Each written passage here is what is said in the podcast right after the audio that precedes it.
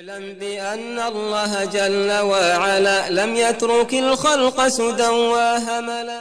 اعلم بأن الله جل وعلا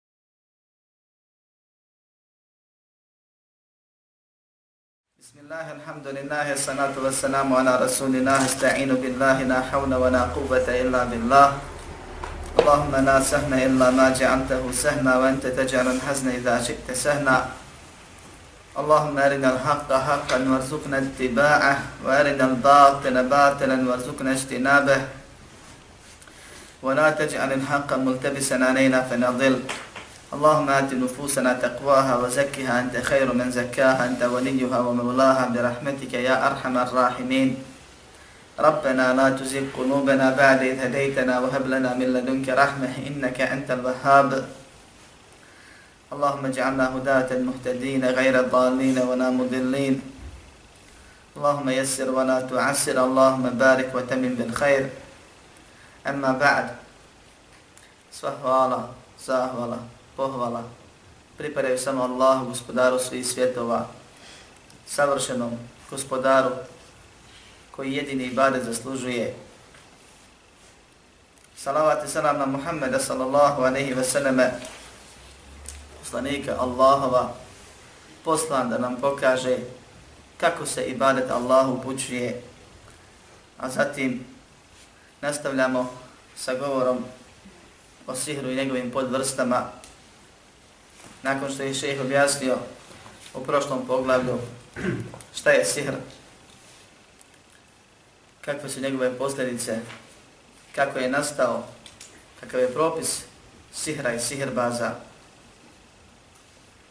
ukratko i osnovne stvari da je to veliki širk, zato što ne dolazi osim sa širkom, jer je sihr približavanje i podpomaganje sa šeitanima, pravljeći razne konce, preparate, učeći razne šeitanima i barete, s ciljem da se naudi nekome u poznatom smislu o kojem smo govorili. I šeheh je također pojasnio kakva je kazna za sirbaza na dunjalku i na ahiretu kroz dokaze koje je spomenuo. Ovdje dolazi sa novim poglavljem koji nosi naziv Baba Jan Šejmin Anuaj Sihra, pojašnjenje nekih vrsta sihra, doslovno prevedeno, a cida se na ono što je nazvano sihrom u jeziku ili u nekim šarijetskim tekstovima, a nije pravi sihr. Nego je stvar koja je haram, može biti veliki grijeh, može biti mali širk, a u osnovi ne spada, ne, ne, nije od stvari koje izvode iz vjere. Nego je to sihr u jezičkom smislu. Ili u običaju Arapa nazivaju te stvari sihrom. I da je dozvoljeno ne bi je zvali sihrom. To je pravilo. Stoga ovdje želi napomenuti na te stvari da je musliman zna razlikovati samo dijelo, odnosno nedjelo koje se čini i da se zna postaviti prema njegovom počiniocu onako kako je ispravno shodno dijelu koje čini i njegove kategorije u šarijatu. Pa kaže, kala Ahmed, حدثنا محمد بن جعفر حدثنا عوف عن حيان بن العلاء حدثنا قطن بن قبيسة عن أبيه أنه سمع النبي صلى الله عليه وسلم قال إن العيافة والطرق والتيرة من الجبت Spomenuo je lanas prenoslaca hadisa u kome poslanik sallallahu alaihi ve selleme kaže zaista su ijafa i tarq i tira od džipta. Četiri termina su četiri na arabskom. Zato što su oni se razilazili ili nije svima bilo jasno značenje tih riječi. Pa šehih dolazi sa pojašnjavanjem tih riječi, spominje Aufa, koji je bio učenjak u jeziku, a koji kaže Ijafe je zađru tajr, to je splašenje ptica, a Tark je linija koja se crta po zemlji, po pijesku. A za džipta, a o tome smo govorili u protekla dva predavanja, kaže Hasan, to jest u ovom smislu, u ovom primjeru, da je to rednetu šeitan. Rednetu šeitan se doslovno prevodi kao šeitansko zvono, A redne je šeitanski glas i njegovo cviljenje koji on zavodi i dobacuje i došaptava ljudima. Glas, zvuk kojeg i u normalnim uslovima neko ko nije šeitan ispušta kad je tužan i kad plače. Biva poput pjesmi. I zove se Renetu šeitan, šeitanska pjesma ili šeitanov glas koji ima zavodi i dobacuje. Hoće se reći ono što bi naš dragi Bože rekao šeitanog. Nešto što ne valja, što je haram, šeitanska posla. Koja su to šeitanska posla? Hejtark i tijera i ijafa. Poslanik sallallahu aleyhi wa sallam kaže da su ijafa, to je splašenje ptica. To se ne odnosi na ono kad izađeš negdje ili kad puste našu djecu negdje gdje ima mnoštvo golubova pa se oni zatrču pa poplaše golubove ptice. To nije ni haram, iako ne mora biti lijepo uvijek. Nego se radi o običaju. Sujevjernom običaju kod Arapa i spletki raznoraznih ljudi, vraćara i tome sličnih za koje mi bošni ponovno imamo jedan univerzalni naziv, zovu se džinhođe, koji bi, kad im neko dođe da ga nasavjetuju, da mu kažu, da mu malo i sudbinu nagovijeste i tako dalje, onda bi oni, to je, oni, to, to je kad se govori o vraćarima, a i opće narodi taj imaju običaj, da negdje najđe na pticu pa je poplaši. Ili bi ovi imali svoje koji bi čuvali, pa bi ih poplašao. Iako odleti desno, onda treba raditi to i bit će sreće, bit će na fake i reketa uspjeha. Ako odleti lijevo, onda ni slučajno nemoj to da radiš, jer to samo ptice znaju, kažu kod nas. To je iljafa sujevjerni običar gdje bi ljudi sami gatali, neki od njih tako, A često je to samo jedna varka kojom se predstavlja onaj koji glumi da zna neko posebno znanje. Allah mu nije dao nikakvo znanje osim eventualno vezu sa džinima. Pa ljudima govori kako nešto zna posebno da ljudi njemu dolaze i fino mu uplate ono što se uplatiti mora. Pa onda on njima da kaže pa mora nešto da predstavi. Pa imamo ljude koji otvore neki stari, turski, zeleni čitab, pa nešto u njemu zavjeruju. Imamo ljude koji saliju, olova zagriju, pa hladnu vodu naspred pa ono pukne, pa to nešto bude malo dima, malo zvuka. Imamo ljude koji rade ovo ili ono. Jedan od tih oblika je bila ejafa, to je plašenje ptica, s ciljem da vidimo gdje će one otići. Što ne znači da nije bilo povezano sa još nekim stvarima. Pa bi nakon toga onaj ko to radi, još nam dovezao tu priču i objasnio kako je to jako loše i kako je to jako dobro. Jeste, eto vidjeli ste sami gdje su ptice otišle. Kaže, tak, Tark je druga, drugi oblik ili drugi način kako džinhođe varaju nauk naroda. U njihovo doba to se radilo nečim što liči kod nas na šibicarenje. Uzme ta osoba šta? I nacrta onako spontano nekoliko linija na zemlji, pa pošle isto tako nasumično da ih briši. Pa šta ostane, gdje se usmjeri, ili onda on to tu čita i tumači nešto slično čitanje iz Finđana kod nas. Ali je to spontana stvar. Sam on ne upravlja i ne gleda, nego onako briše, briše, pa sada ako ostane lijevo, ako ostane desno, ako tamo, ako bude krivo, onda to on uzme i tumači, komentarši. Ovo ukazuje na ovo, ovo ukazuje na ono. I usput mu kaže koliko mu kuća ima prozora, koliko mu kuća ima vrata, gdje, gdje krije pare pod kojim jastukom i tako dalje. Pa ovaj stvarno misli da on zna neko znanje jesu to ljudi koji koriste te stvari, bilo plašenje ptica, bilo fin, finđan, bilo stari turski zeleni čitan, olovo, nešto treće, peto, deseto, sve jedno je, kako bi zavarali neuke ljude da oni nešto koriste, nešto rade, imaju to neki proračun, nešto se. A u suštini to su ili lažovi, koji ništa ne znaju, ništa nemaju, jednostavno pare zgrču od ljudi, i onako nasumiće što govori, ili sto oni koji zaista pogađaju ono što nije gajb, što zna sama osoba, znaju njegovi ukućani, znaju njegove komšije, pa je zna džin koji je govaj pošalje do njegove kuće da snimi to, pa mu dođe na ovo i šapne i kako ovaj njemu priča, tako on njemu prenosi. Imaš kuću, na dva sprata, toliko prozora, toliko vrata, tamo ti je garaža, tamo ti je ovo. Kaže, sve zna, sve mi pogodi. Tu ti može komšija pogoditi. Ni bilo ko drugi. Kome kažeš, daš mu ime, prezime, adresu, daš mu dio svog tijela ili nešto drugo, preko čega će džin dio svoje odjeće, nešto što je bilo ustijelo, preko čega će džin putem mirisa da ode tamo gdje nađeš će boraviš, pa da snimi sve to i vrati se tom. Vraća, ali da on ispriča. I treće je to jer to je opšti naziv za gatanje ili proricanje sudbine ili suje vjere pomoću ptica. Onako ljudi izađu, pođe na put, vidi pticu na grani, ptica krene desno, kaže, bit će uspjeha, nastavljam dalje. Ptica krene lijevo, kaže, vraćaj se u kuću, zaključaj se, nemoj cijeli dan izlaziti, slomit ćeš nogu i tako dalje. A uspud dobiješ otkaz jer nisi otišao na posao, ali to nema veze, jer da si otišao po njegu, on misli da bi ti, ti ufasovao više nego što se ovako sačuvao. Legneš da spavaš, dođe sova,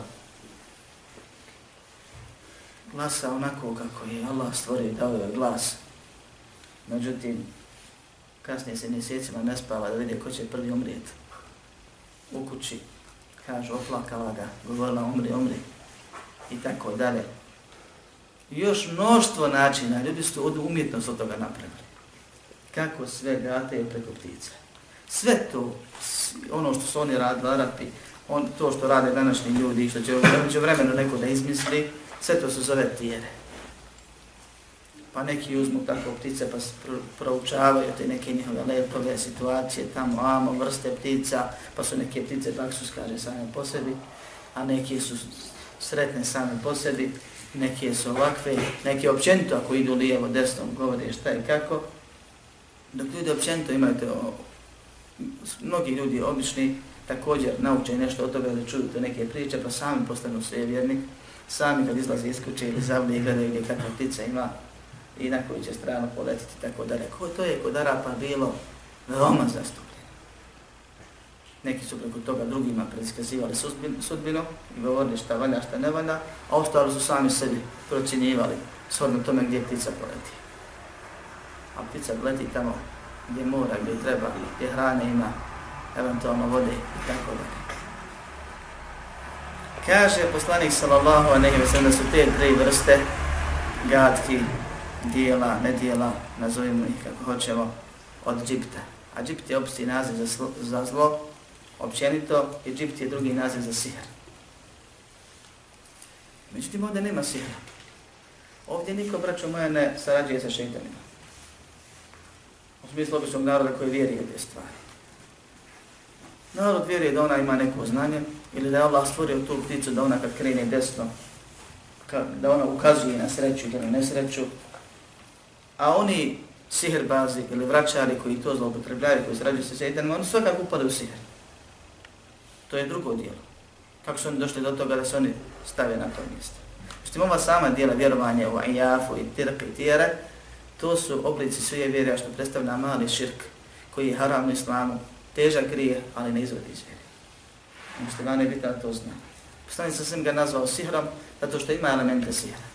Oni koji preko toga koriste druge, prebljavaju, iskoristavaju njihovi metak, oni ili sarađuju sa žinima, to je pola sjera, da se tako izražim, ili proriču sudbine. Govore da vjeruju u gajb, da znaju nekakvo znanje. To je opet druga polovina sjera. Jer sihr u sebi sadrži dva dijela nevjerstva ili sarađivanje sa džinima, ili kroz to, kaže, zna neko znanje, ima nešto posebno, ne znamo mi, nek ti on napravi. i tako dalje, tako da u sebi upali su u jednu, e, ovo dijelo je slično sihru na jedan od ova dva oblika, ili preko jednog od ova dva oblika. U sljedećem hadisu od Ibn Abbasa se prenosi da je Allahu poslanik sallallahu alaihi ve sellem rekao Men iqtabese šu'beten minen nuđumi, fa kad iqtabese šu'beten minen sihri zade ma zade. Hadis bileš ibn e, Ebu Dawud i također je vjerodostojan. Kaže Allahu poslanik sallallahu alejhi ve sellem, ko nauči nešto od znanja astrologije, nauke o zvijezdama koja ima za cilj da kaže da zvijezda ili direktno upravljaju događajima na zemlji ili zvijezde ukazuju na događaje i predskazuju događaje na zemlji. To se u šarijetu zove astrologija.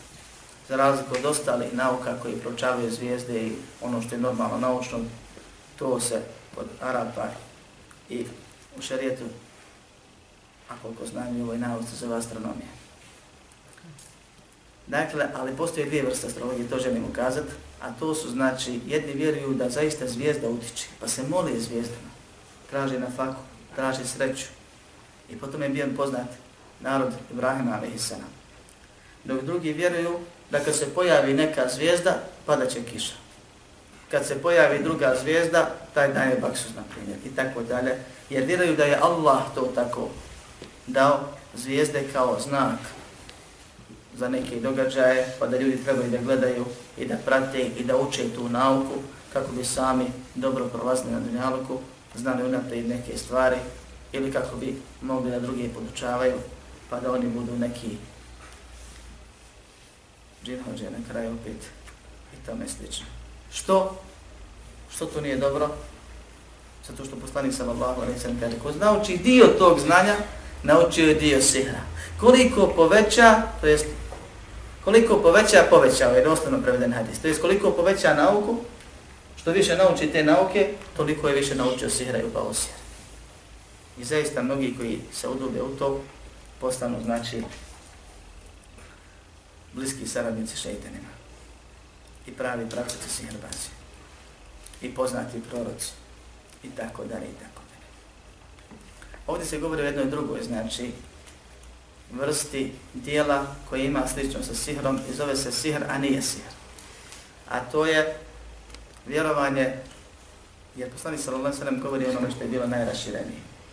I ovdje je ciljana druga vrsta astrologija, to je vjerovanje da zvijezde su uzrok dešavanjima na zemlji.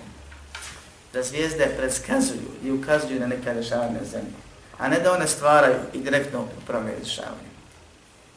To je dakle čovjek koji vjeruje u Boga i vjeruje da su zvijezde Božja stvorenja i moli se Bogu onako kako se moli, a pored toga vjeruje kad se nešto desi da je to od Boga dat znak da će se kasnije desiti nešto drugo. Šta je to? Po šerijetu. U koju vrstu spada? U ubeđenju. Kako? Pa zato što nema nikakav šerijatski dokaz za to. A zašto? Znači, smatra da nešto e, daje, e, da Allah stvar daje bereket, ali smatra da, da je to sebe.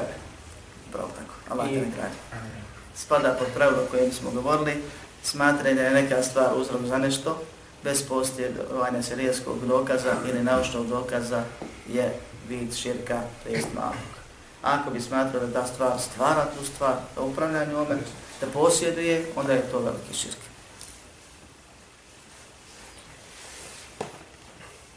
I ovdje je dokaz da nije dozvoljeno muslimanu da uči ovu nauku, niti da se njome bavi u smislu da on nešto proučava, preskazuje i tako dalje. Nije dozvoljeno musliman da ide da vjeri u to, jer je sve to poslanik sallallahu alaihi sallam nazvao sihrom. Nije dozvoljeno muslimanu, pa makar i za razodnode, da čita horoskop i tome slične stvari. Jer je to od te vrste. Zatim, šeheh navodi sljedeći hadis koji je slab, ali njegovo značenje je potvrđeno drugim predajama u kome se kaže ko sveže čvora, zatim puhne u njega, počinio je sihr. Ako počini sihr, počinio je širk.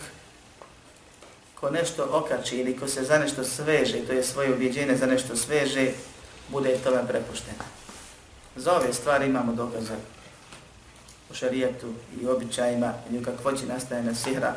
I poznate je da sihr vas kad pravi sihr, nakon što se dogovori sa šetanom, sveže čvori, puhne u njega, e, to bude veza i to je taj sihr. Dokle se taj čvor, bilo se radi o končiću ili koncu velikom užetu, dok taj svor, čvor postoji i sihr traje i tako dalje i tako dalje. Pa kaže, poslani sam sam govori ovdje o tom obliku i vidu puhanja. Ko puhne, ko sveže čvor i puhne u njega, počinje sihr. To je djelo sihr baza. Ako počinje sihr, počinje širk. Zašto? Recimo da ovaj hadis nije dostan, imamo kakav drugi dokaz. Da je sihr širk. Dokaz, dokaz. Reći ona ibaditi na džinu. Imamo jedan kuranski ajet. Kuranski ajet, prošli put smo cijeli des. Da On je. Govorili to. Gdje Allah govori da su oni kafiri i da na ahiretu neće imati nikakvog udjela i tako dalje i tako dalje. I mnošto drugih dokaza. Kaže men ta'allaka shay'an ukina ilayhi, ovo ćemo govoriti ako boda kasnije, posebno bit će pogleda vizana za to, ko nešto okači ili ko svoje ubjeđenje za nešto sveže, bude tome prepušten. Allah ga prepusti toj stvar, pa neka čuva ako može. Ili nekomu pomogne ako može. Ovdje imamo znači dokaz da je zabranjeno vezati čvorove i u njih puhati, makar se na njih ne učile dove šeitanima, nego se učilo 33 puta kul huvallahu ahad. Zašto ovo govorim? Zato što teško da ćete naći osobu danas u našim krajima ovdje, a da kada se rodi dijete, ne ode kod nekog hođe ili učevne žene, da je ona napravi crveni konac protiv uroka svjedočio sam pravljenju tog konca i znam da se pravi tako što neka nena iz dobre namjere je tako naučena, ne čini si, uzme crven konac, sveće čvor, nauči njega koliko vallahu ehad i puhne u njega. I tako 33 puta. Vjerujući, i onda se taj konac veže za ruku i vjeruju da Allah subhanahu wa ta'ala štiti čovjeka preko tog konca. Kakav je propis toga? Mali širk. Ne izvodi iz vjere, ali nema šerijskog dokaza za to. I takve osobe su u jezičkom smislu, može se reći da čine sihr, ali ne pravi, ne treba ni govoriti, je samo u jezičkom smislu, jer se poisto vjećuju sa sihrbazima. Rade isto što i oni. Vanštinu. Ali, alhamdulillah, ne radi suštinu. Također kaže ko nešto okači i tome bude prepušten, u to spada i viće ako Bog da posebno poglavlje, kačanje hamalija. I govorili smo o tome već, kačanje hamalija, zapisa, konaca, potkovica, za sreću, za sprečavanje nesreće, za liječenje od bolesti i tako dalje, da je to stvar koja je zabranjena, da je to stvar koja ne samo što je haram, nego je i štetna, jer mi smo svi Allahovi robovi, njemu robujemo, njega obožavamo, od njeg pomoć tražimo, njemu se nadamo da će nas spasiti, a poslanik sallallahu a nehi sellem nas obještava da je Allah postavio pravilo, kad se njemu moliš, on te se odazove, a kad se nečemu drugom prepustiš, na nešto drugo osloniš, svoje viđenje za tu stvar svežeš, a za koju dokaza nemaš, Allah te prepusti toj stvari, pa ti to samo propast povećava, jer ako te Allah ne pomogne, neće ti niko pomoći, ako te Allah ne zaštiti, neće te niko zaštititi i tako dalje. Od Ibn Mas'uda se prenosi da je Allahu poslanik sallallahu aleyhi ve sellem rekao Ela hel unabbi'ukum man adha ili idha. Hoćete da vas obavijestim šta je to sihr? Ili šta sve spada u sihr? Ili šta je to vraćanje? Oko ove riječi ima mnogo značajna, se koristi za nekoliko ovaj, značajna, jedan od njih je sihr. Šta sve radi di, ili pravi problem kao što ga pravi sihr? To je pravo tumačenje, to, je, to je cigan hadisa. Kažu, to je nemime. Al qala bejne nas. Nemimet prenošenja tuđih riječi. Otkud sad jedna priča kojom smo iskušani mnogi, a sestre muslimanke posebno, ostale žene svakako, da bude sihr Ili da bude ko sihr. Šta je sihr? I po čemu je sihr, zbog čega se sihr najčešće pravi? se navodi. Se navodi nekome. Allah subhanahu wa ta'ala u ajetu sihra spominje فَيَتَعَلَّمُونَ مِنْهُ مَا يُفَرْدِقُونَ بِهِ بَيْنَ الْمَرْءِ وَزَوْجِهِ Učili se od, njega, od njih kako da razdvoje muža od žene. I najčešće se navodi preko ovog načina. A ima i drugi način. Zavade braću, zavade sestre, zavade djecu s roditeljima i tako dalje. Ima i većih namjera, pa došeže to i do ubijstva. Ali najčešće oblik kako sihrba želi da naudi time što hoće da od sloge napravi neslog. Šta radi nemam, onaj koji prenosi tuđe riječi? Upravo isto. Zavađa. Zavađa. Pravi problem. Čuje nekog da onaj kome govori, istinu ili neistinu, s pravom ili ga ogovara. I fino sluša. I govori, jest, jest, tako je. I onda ode onom drugome i kaže, on je o tebi govorio to i to. Zato imamo pravilo islamu, koje su neki učenjaci spominjali, i koga primjenjuje, sretan je kad vidiš nekoga da ti prenosi tuđe riječi, pripazi ga se, jer će i njemu ili nekome drugom prenijeti tvoj. Nemam, kažu, kaže jedan islamski učenjak, pravi veći fesad nego što ga pravi sihrbaz. Samo sihrbaz pravi problem sebi jer on izlazi iz vjere, a drugima. A nemam ne mora izaći iz vjere, to nije dijelo kufra. Ali zna napraviti problem veći nego sihrbaz. A jedan i drugi, kad bi samo znali, to bi odmah ostavili, jer kao što Allah kaže za sihirbaza, a odnosi se svakako i na ovog, ne mogu nikome nauditi, osim ako Allah to već ne dozvoli, to je znači ako Allah već nije odredio sudbinom, da će to ne djeliti. Onaj ko prenosi tuđe riječi zna da razvali države, plemena, džemate, da napravi probleme, ogromne. Ne moraš ti uvijek, pogotovo kad vidiš da nemaš koristi, posvađaš se s njim. A trebao bi da ga prekineš i da mu kažeš nemoj mi to govoriti. Ali moraš da mu ne vjeruješ i moraš da ga se paziš.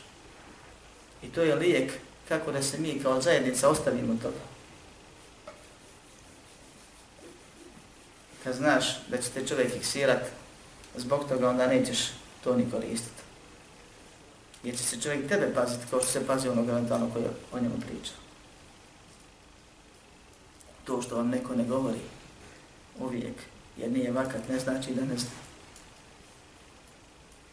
A tako mi hoćemo da zavadimo dvojicu, pa zavadimo sebe s onim kome prenosimo, ako je pametan. I to je prvi grej i posljedica nemimeta na osnovu poznatog Allahovog stvaralačkog pravila koje se na svakog primjenjuje kako radiš, tako ti se radi. Prenosi, odnosno bilježi Ibn Džauzi u svojoj tezkiri predaju od Ebu Bekra, od Sasan Hanefija, koji je spominjao da je jedna žena zavidjela dvome mužu i ženi i ženila je da ih rastavi i zavadi. Pa je otišla ženi i rekla, šta mislite šta?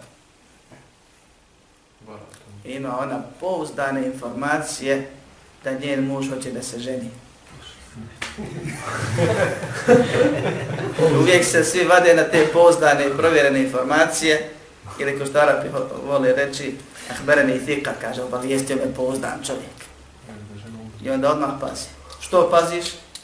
Jer šeitan Adamu rekao, da je njemu na savjetnik iskren.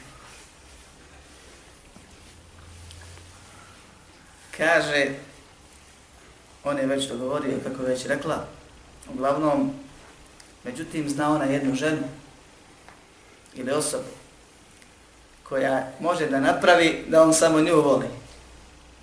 Na tebi je samo kad bude spavao da uzmiješ britvu i da mu osjećaš tri dlake iz brade i doneseš meni, ja ću odnijeti ženi i neće se desiti to čega se obje plašimo. Ja tebe savjetim, ja tebe volim, mi smo prijateljice i tako dalje. I onda ode mužu i kaže, ti znaš dobro da ja prijateljem s tvojom ženom. I nije lijepo ovo što mi sad komuniciramo i tako dalje, ali nužda me natjera da ti se obratim. Uvijek mora biti uvodi. Ja malo ovdje sad dočaravam više, ja znam kako se to dešava kod nas. Kaže, ona mi se povjerila da želi da te zakoni na spavanje. Pa ti kad legneš da spavaš, pravi se da spavaš i vidit ćeš da sam bila u pravu. I muž legne da spava, što bi rekli na jedno oko, i kad je otvorio ono drugo, vidi ženu s britvom prilazimo vratu. S obzirom, braćo moje, da se to rešavalo u davna vremena u šarijaskoj državi, on je odmah skočio i ubio je, što nije ispravno, pa je zbog toga i sam ubijen. Ubio je iz ljutnje, zato što je mislio zaista da želi da ga ubije. I nepravdamo ga pogreše i nije smio to uraditi. Ali je i on kasnije po Allahovom propisu ubijen. Što znači da je ta osoba svojim prenošenjem tuđih riječi uzela dva života. A htjela je samo da ih zavadi. Dokle može voditi prenošenje tuđih riječi? A da ne govorimo da je velika vjerovatnoća da je ta žena koja je pošla s britvom da nosi si hrbazici izašla iz vjere. Ili eventualno shodno tome kako su šta su vjerovali, može se desiti da je bio neki od oblika širka koji ne izvodi iz vjere.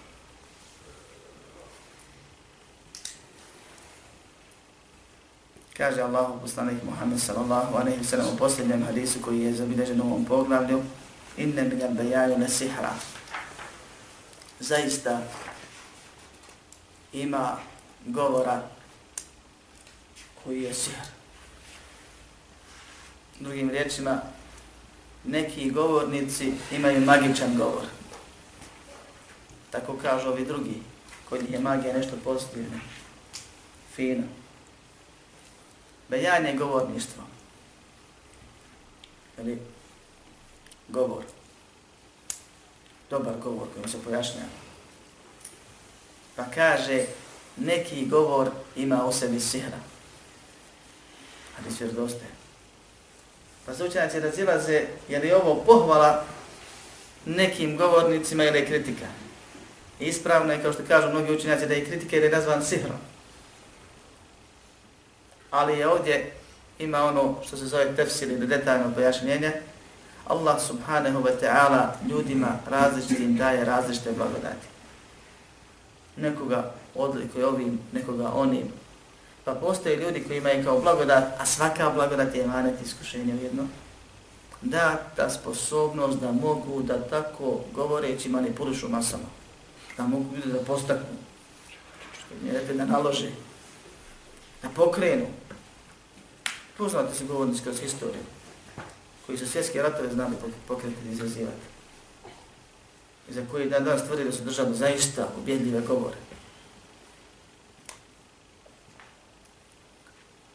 Ta blagodat, ako, ako se koristi u hajru, to je blagodat koja je pohvalna. A ako se koristi u besposlici, onda je pokuđen. A ako se koristi u haramu, onda je zabranjena. I zato poslanik sa svem upozorava ljude, nemojte vjerovati svakom ko dobro priča. I fino priča i puno priča. Ima govora koji je sihr. Čovjek ti priča kao da te opsihri. Vjeruješ mu. Ideš za njim. I tako dalje. Međutim, ovaj govor i ovaj hadis također kao i prethodne predajne odnosi se na sihr onaj koji izvodi iz vjere. Pa da sad ljudi smatraju da je šerijetska kazna za njega kao za onog pravog sihrbaza i tako dalje, ne. Nego se radi, znači, o stvari koja je zabranjena, koja je loša, pa da se vjernici pripaze, a nazvana je sihrom zato što djeluje kao sihr poput prethodnog nemimeta, prenošenja tuđih riječi, nazvan je sihrom, jer pravi ono što pravi sihr, prvi pravi razdor, a drugi pomuti pamet čovjeku, povede čovjeka za sobom i tako dalje, pa su oba slična sihiru, a ne radi se o sihiru, onom sihiru koji je definisan i pojašnjen njegov propis, ako Bog da objašnjen u prošlom predavanju. Time se završava komentar ovog kratkog i nadam se lahkog poglavlja gdje nas poslanik sallallahu a nehi veseneve podučava i upozorava da oni koji tvrde da imaju nekakvo znanje, da imaju nekakve čitave, nekakve lampe, nekakve ovi emisije, koje kad nazoveš oderute za kol, koji minut, a uvijek si na čekanju dok dođeš na red i tako dalje, da su to samo ljudi koji se igraju sa neukim masama iskorištavajući ih i da ili se rađuju sa šeitanom ili se lažovi. A to što oni koriste nešto, neko karte, neko ovo, neko ono, neko štab, neko šibice ili šta već, to je potpunosti nebitna stvar i to su sve šeitanuci. Također, nas poslanik sallallahu alaihi wa sallam upozorava da se ne igramo sa onim koji bi nas eventualno pozvali ili koji za sebe tvrde da znaju neku nauku o zvijezdama, da znaju pročitati šta mu zvijezde poručuju i preskazuju i tako dalje, da je samo učenje te nauke sihr i haram i veliki grije, a kamo li još proricanje, što već ulazi u kufr. Također gatanje preko zvijezda bilo koje vrste, gledanje šta i kako, spada ove stvari. Također, poslanik sallallahu alaihi wa sallam nas upozorava na ono što je široko rašireno, bar kod nas ovdje u ovom vaktu, a to je pravljenje raznih konaca u cilju zaštite ili lijeka, pa kod nekih čak koji tvrde da liječe Kur'anom i tako dalje, da su to znakovi prepoznavanja pravog sihrbaza ili znakove da ovaj nije ispravan, da ne sve stvari baš i nisu se slegle, jer koristi haram metode, metode koji su vidovi malog širka. Također poslanik sallallahu alejhi ve sellem nas pozorava na dva djela koja djeluju poput sihra i mogu biti uzrok velikih problema za čovjeka i opasnosti za društvo, a to su govorništvo koje se zloupotrebljava i prenošenje tuđih riječi koji je jedan od velikih teških grijeha. Pa molim Allah subhanahu wa ta'ala da nas poduči onima što ne znamo i da nas okoristi znanje koje nam podari da radimo po tome, čuvamo se onoga na što nas upozorava, a radimo ono na što nas Allah i njegov poslanik postiču. Molim Allah subhanahu wa ta'ala nas uputi, poveća nam uputu, da nam oprosti grehe, da nas učvrsti i usmrti na istini, da nas poživi na istini, da nas uvede u džennetu sa onima koji su na istini. Molim Allah subhanahu wa ta'ala da oprosti nama, svim muslimanovim muslimankama, da pomogne islam muslimanima na svakom mjestu. Amin. Alhamdulillahi rabbil. اعلم بأن الله جل وعلا لم يترك الخلق سدى وهملا. اعلم بأن الله جل وعلا